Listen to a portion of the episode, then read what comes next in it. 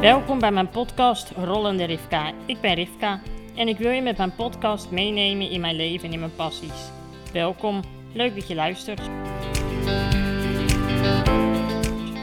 In mijn vorige podcast heb ik eigenlijk een beetje gezeurd over hoe ingewikkeld mijn zorg en leven wel niet is.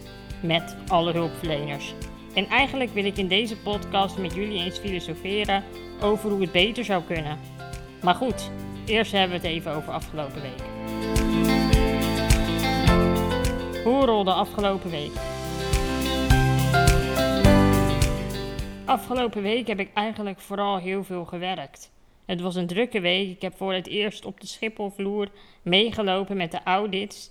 Toch echt wel tof om daar te zijn en zo onderdeel te zijn van het proces. Nou ja, ik heb alleen maar gekeken, dus zoveel onderdeel was ik niet. En wat rijden die lange gangen lekker hoor. Oh, wat rijdt dat lekker. Lekker hard. Um, we hebben van die elektronische caddies uh, rijden op Schiphol. En uh, die mogen maar een bepaald aantal kilometer per uur. Ik geloof vijf of zo. Maar ik ga natuurlijk twaalf. En uh, gelukkig mocht ik even op de F-pier zijn. Waar ik vol gas door de, door de gangen kon.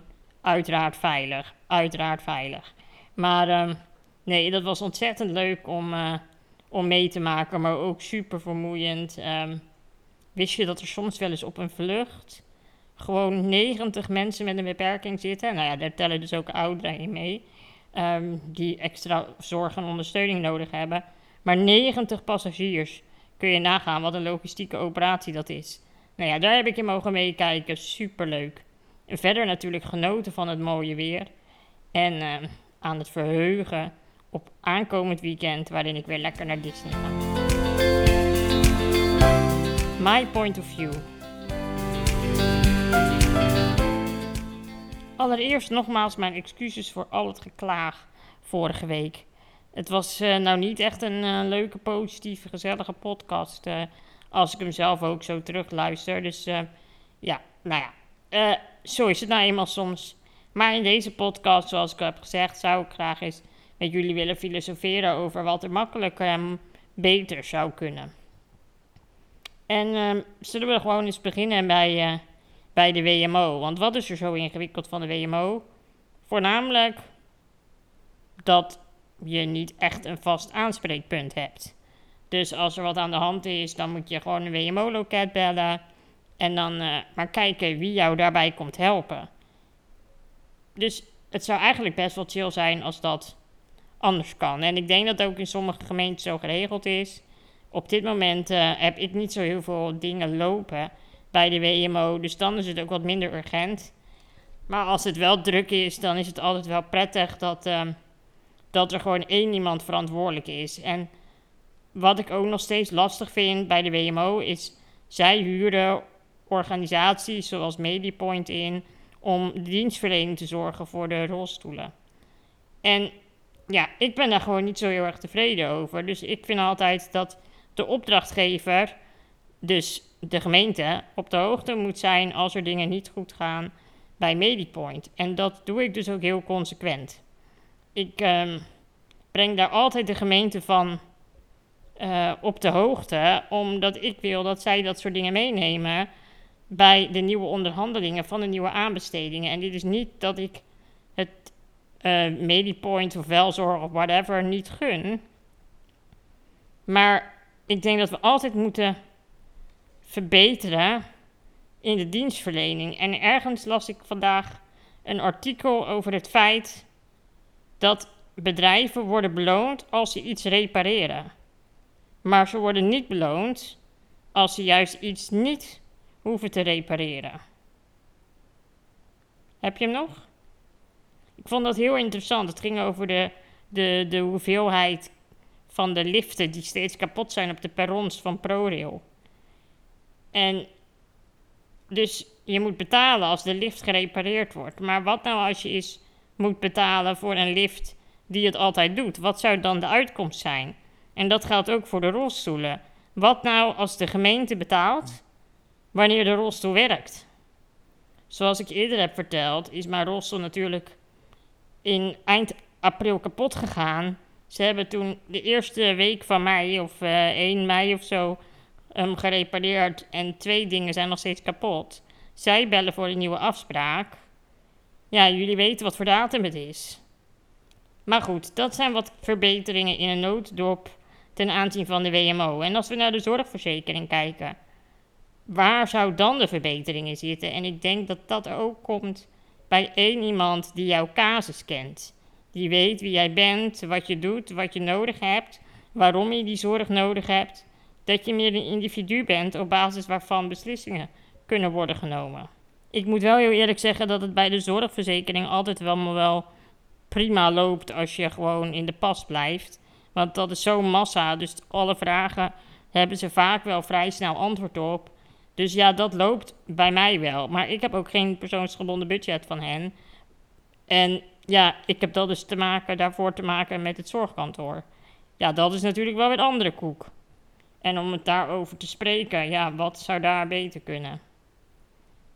Um, oh, dit is zo lastig te beantwoorden, want ja, waar moet je beginnen? Weet je, je wil dat er dingen worden vergemakkelijkt. Alleen je wil ook niet dat eventuele fraude toeneemt. Um, maar een beetje meer menselijke maat, dat mis ik wel. Het is, um, ik heb best wel te maken met mensen die boven op de regels zitten. En dat zijn, dat zijn gewoon de regels, punt. En niet um, hoe het in de werkelijkheid en in de, ja, hoe het in de praktijk werkt. En dat vind ik wel lastig, want ik heb bijvoorbeeld een huisbezoek gehad waarin ik best open ben geweest over de knelpunten die ik tegenkom. En ik kan daarin gewoon ook niet alles vertellen hier in de podcast. Ook omdat ik bang ben dat ik mezelf in de, voor de vingers, uh, in de vingers snijd. Maar um, nou ja, dat ik daar dus niet openlijk over kan praten, is natuurlijk eigenlijk al heel erg gek.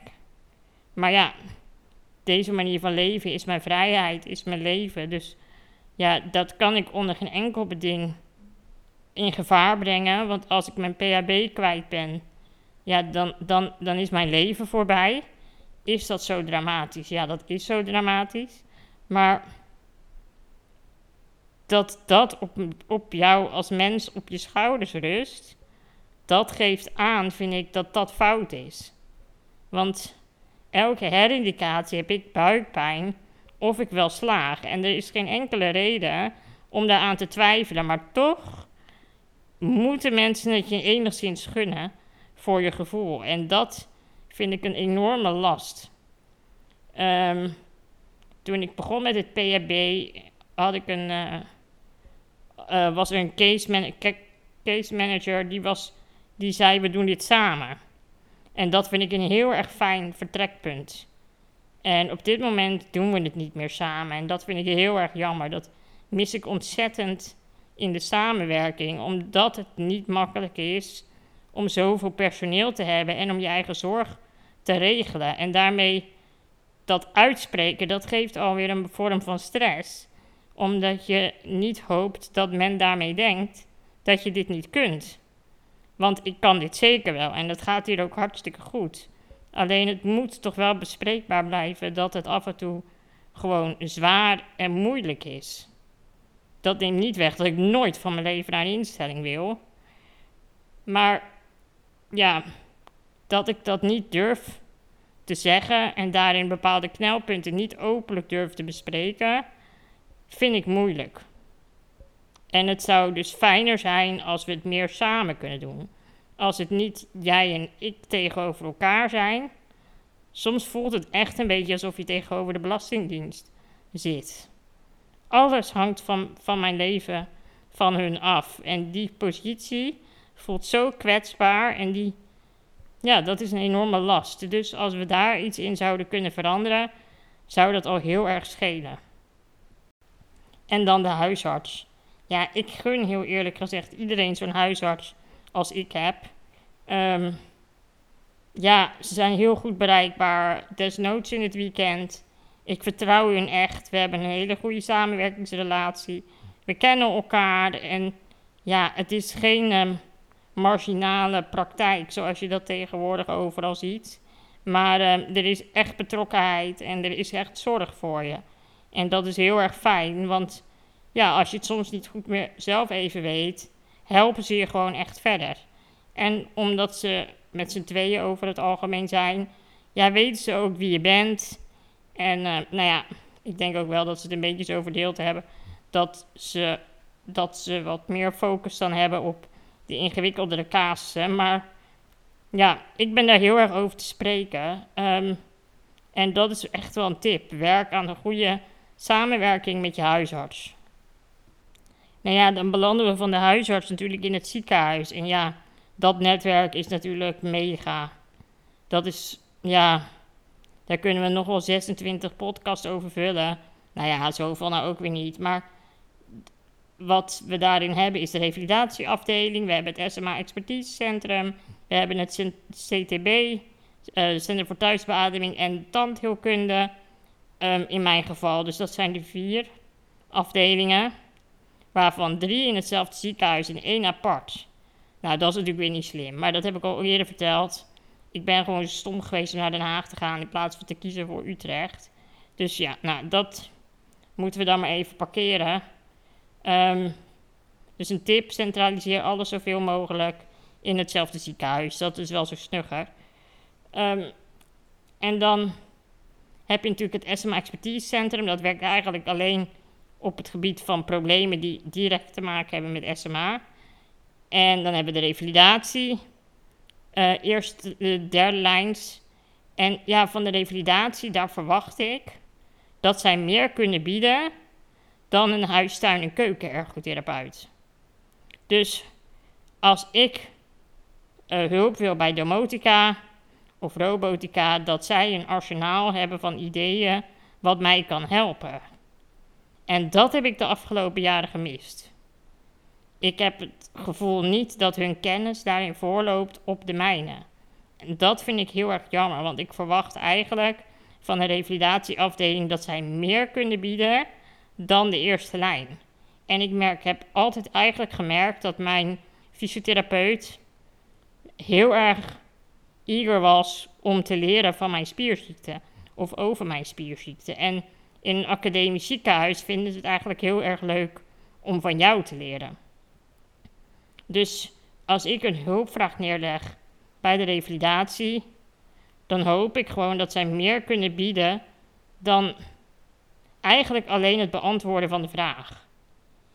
En ik heb een tijdje geleden heb ik daar wat vragen neergelegd, dat heb ik ook in de vorige verteld. Wat ik daarin niet heb verteld is dat er met mij werd gewerkt over hoe ik zelf een antwoord kon vinden op mijn hulpvraag. Ja.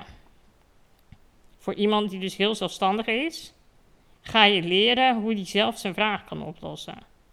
Ja, de vraag was ook indirect hierbij: help mij even om dit op te lossen.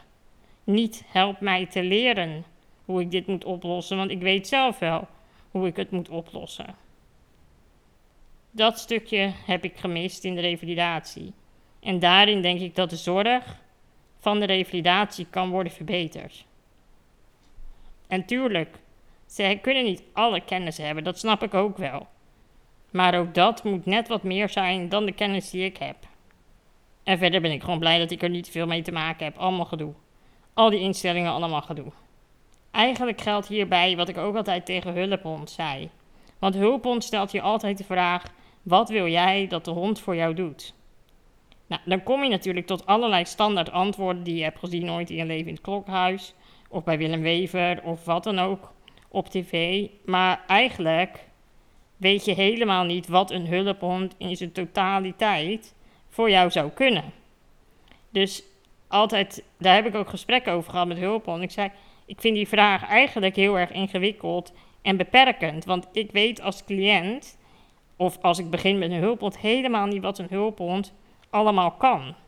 Dus eigenlijk wil ik ook dat jullie meehelpen te bedenken waar de hulphond voor mij van toevoeging kan zijn. En dat geldt ook voor de revalidatie. Als je daar een vraag neerlegt, wil je dat men met jou meekijkt naar een groter geheel en eventueel ook dingen aanbiedt die wat meer out of the box zijn. Die jij niet voor de geest hebt. Want daarmee kun jij jouw zorg waarschijnlijk toch verbeteren en innovatiever maken dan je het nu hebt. Nou, ik denk dat deze podcast voor nu weer uh, genoeg stof tot nadenken geeft.